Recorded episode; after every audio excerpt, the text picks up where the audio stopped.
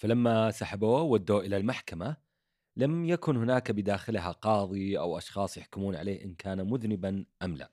تقدر تقول أنها كانت فارغة حيث أنه لا يوجد بها أحد سواه هو فقط. كل هذه الأمور وهذه المحكمة وهذه الخيالات وهذه القضية كانت في عقله. طبعا وقتها أنصدم كأي شخص كان يتوقع شيئا يحصل وحصل خلاف ذلك. فكان السؤال اللي يدور في مخيلته وفي عقله في تلك اللحظة لماذا أنا هنا؟ هل أنا القاضي؟ أم أنا الشخص المحكوم عليه؟ أم أنا مجرد شخص يشاهد هذه القضية؟ أم أنا شخص سوف يبدي رأيه في هذه القضية؟ فبدأ بالتساؤل مع نفسه إلى أن وجد هذه القضية التي يريد أن يفتحها ويحاكم نفسه ويطبق إن كان القاضي أو المستمع أو مين ما كان فقام بعملية آه، خلونا نقول أنه هو أصبح القاضي وهو أصبح أيضا السجين.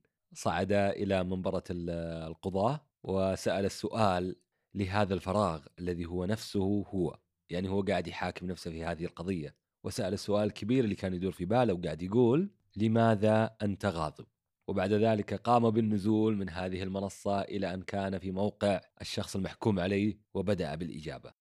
فقام بالإجابة بإجابات مختلفة وأنا وذلك وحصل وأسباب كثيرة وبعد ذلك ذهب مرة أخرى إلى منصة القضاة وسأل السؤال الآخر فكان السؤال الآخر الذي سأل نفسه ماذا تريد أن يكون حكمك؟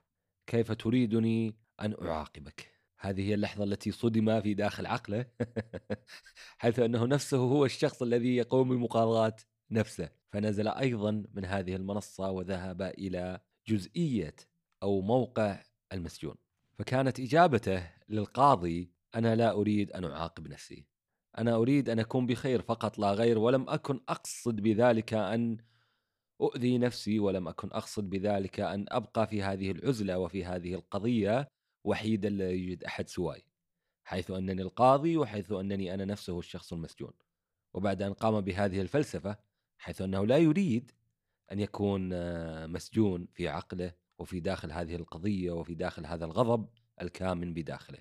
بعدها أيضا مرة أخرى اتجه إلى المنصة كقاضي وأخبر نفسه بهذه المقولة التي بعدها استوعب أنه كان يعاقب نفسه بطريقة غير مباشرة حيث أن الإجابة كانت إن كنت لا تريد أن تؤذي نفسك وإن كنت لا تريد أن تبقى في هذه العزلة ولا تريد أن تحاكم نفسك بنفسك وليس الحكم البسيط إنما القضاء على نفسك لماذا أتيت هنا؟ أستغفر الله العظيم لماذا أتيت هنا؟ إن أنت كشخص لماذا أخذت نفسك إلى هذه المحكمة؟ إن لم تكن تريد أن تقضي على نفسك إن كنت تريد البقاء حي وأن تعيش في هذه الحياة وأن تكون بخير توقف عن الغضب الداخلي الذي يؤذيك بشكل لا تتصوره. توقف عن هذه النغزات الداخلية لمعاقبة نفسك. توقف عن ذلك كله وعش حياتك ببساطة كما أنت.